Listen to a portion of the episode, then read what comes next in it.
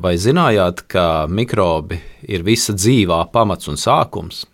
Mūsu planētai Zemē, kur ir tik skaista no kosmosa, kur mēs visi zinām, zilā planēta, tai ir 4,6 miljardi gadu. Bet pārsteidzošais ir tas, ka dzīvība uz Zemes jau ir 3,8, nu varbūt pat 4 miljardi gadu. Bet cilvēks, Homo sapiens, uz planētas Zeme staigā apmēram 250 tūkstošus gadu tikai.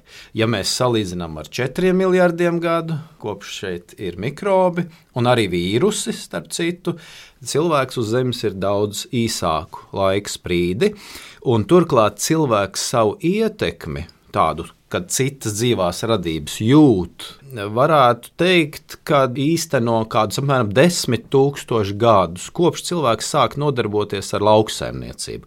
Nu, un pavisam jau liela ietekme ir kopš industriālās revolūcijas, apmēram dažus simt gadu laikā, mēs esam to pasauli pārveidojuši bieži vien līdz nepazīšanai. Un tāpēc, ka mēs varam šo pasauli tik ļoti ietekmēt, un esam jau ietekmējuši, mēs sevi sākam uzskatīt par galvenajiem. Un tas ir tas eh, bīstamākais moments, jo mēs, diemžēl, neesam tie, ap kuru visa pasaule grozās. Un tāpēc paskatīties mikrobu acīm uz šo pasauli. Kāda tā, tā pasaule izskatās ne tā, kā cilvēks to domā, bet varbūt kā to domā un redz citas dzīvās radības, ir ļoti, ļoti svarīgi. Pats cilvēks jau ir uz pasaules radies pateicoties mikrobiem. Pasaule veido trīs dzīvās šūnas, un divas tās ir eh, tādas šūnas, kurām nav tik labs kodols kā cilvēku šūnām eikariotu šūnām, eh, tās otras ir baktērijas un ārhēji. Un šūnas no sākuma bija atsevišķi, tālāk tās apvienojās daudz šūnu organismā. Daudz šūnu ir tā kā orķestris, tā kā ļoti labi saskaņots orķestris, un cilvēks tad arī tāds ir, tāds ļoti labi saskaņots orķestris, pateicoties dabai. Arī mēs elpojam skābekli, būtībā pateicoties mikrobiem, kurš šo skābekli uz Zemes ir radījuši. Jo tos daudzus miljardus gadus atpakaļ, kad Zeme vispār radās, tad skābeklis vēl nebija. Būtībā mēs esam tādi kā rezultāts šai mikrobu pasaules evolūcijai, un tālāk jau makroorganismu pasaules evolūcijai.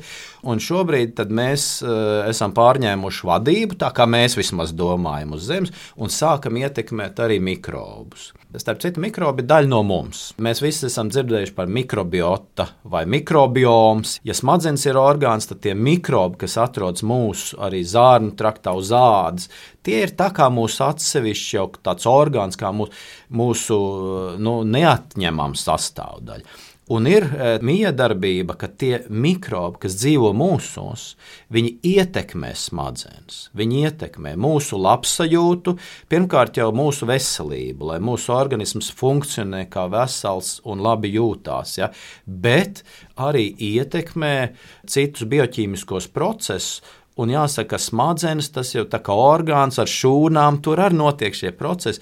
Līdz ar to mikrobiem ir sviras, ietekmēt eh, mūsu, kā mēs domājam, kā mēs uzvedamies, arī to, vai viens cilvēks patīk otram, vai ir šī pieķeršanās, kā mēs runājam, arī savstarpējā ķīmija, ja tāds termins arī ir.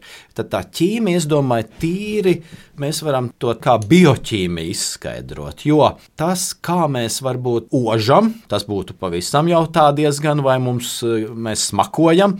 Jāsaka, tā mēs nesmakojam, kā paši cilvēku šūnas nesmako, bet bieži vien smako tas, kādi mikrobi mums ir uz ādas savairojušies, kādi mikrobi mums ir zarnās. Un tā ir tāda varbūt jūtamā smaka, ja? bet nejūtīgi ir daudz citas molekulas, ko mēs ieelpojam, ko mēs sajūtam. Un jā, ja tam otram cilvēkam tas mikrobioms, tā mikroba pasaule, viņam ir tāda, ko mēs ar tādām nejūtamām stīgām uztveram, tad jāsaka tā, ka tā ķīmija saslēdzās. Un mums ar to cilvēku ir patīkami būt kopā. Mēs pat to nesaprotam, kāpēc reizēm. Tas ir ļoti, ļoti būtiski. Kāpēc es saku pasauli mikrobāci? Jautājums, kā vīruss skatās uz mums, kā baktērijas skatās uz mums. Nu, mēs gribētu, lai skatās kā uz draugu. Būtībā mēs neesam ne draugs, ne ienaidnieks. Mēs varam tikai būt vai nu kādai noteiktai baktērijai vai vīrusam, kā barības avots. Mēs taču lidinamies pa mākoņiem, mums tagad ir mākslīgais intelekts. Un ko nu tie prastie vai ne vīrusi, bet neatkarīgi, ko mēs domājam, kā mēs sapņojam, kur mēs ar savām domām aizbraucam, ja mēs sevi neaizsargāsim, tad mēs vīrusu acīs esam viens liels ēdiena ja gaļas gabals vai ne tā pavisam rupji izsakoties, ja mēs dosim iespēju tam vīrusam ēst, viņš nāks. Viņš apēdīs. Mēs nedrīkstam tiešām aizmirst šo saikni ar dzīvo dabu. Un tas ir tas, tas būtiskākais.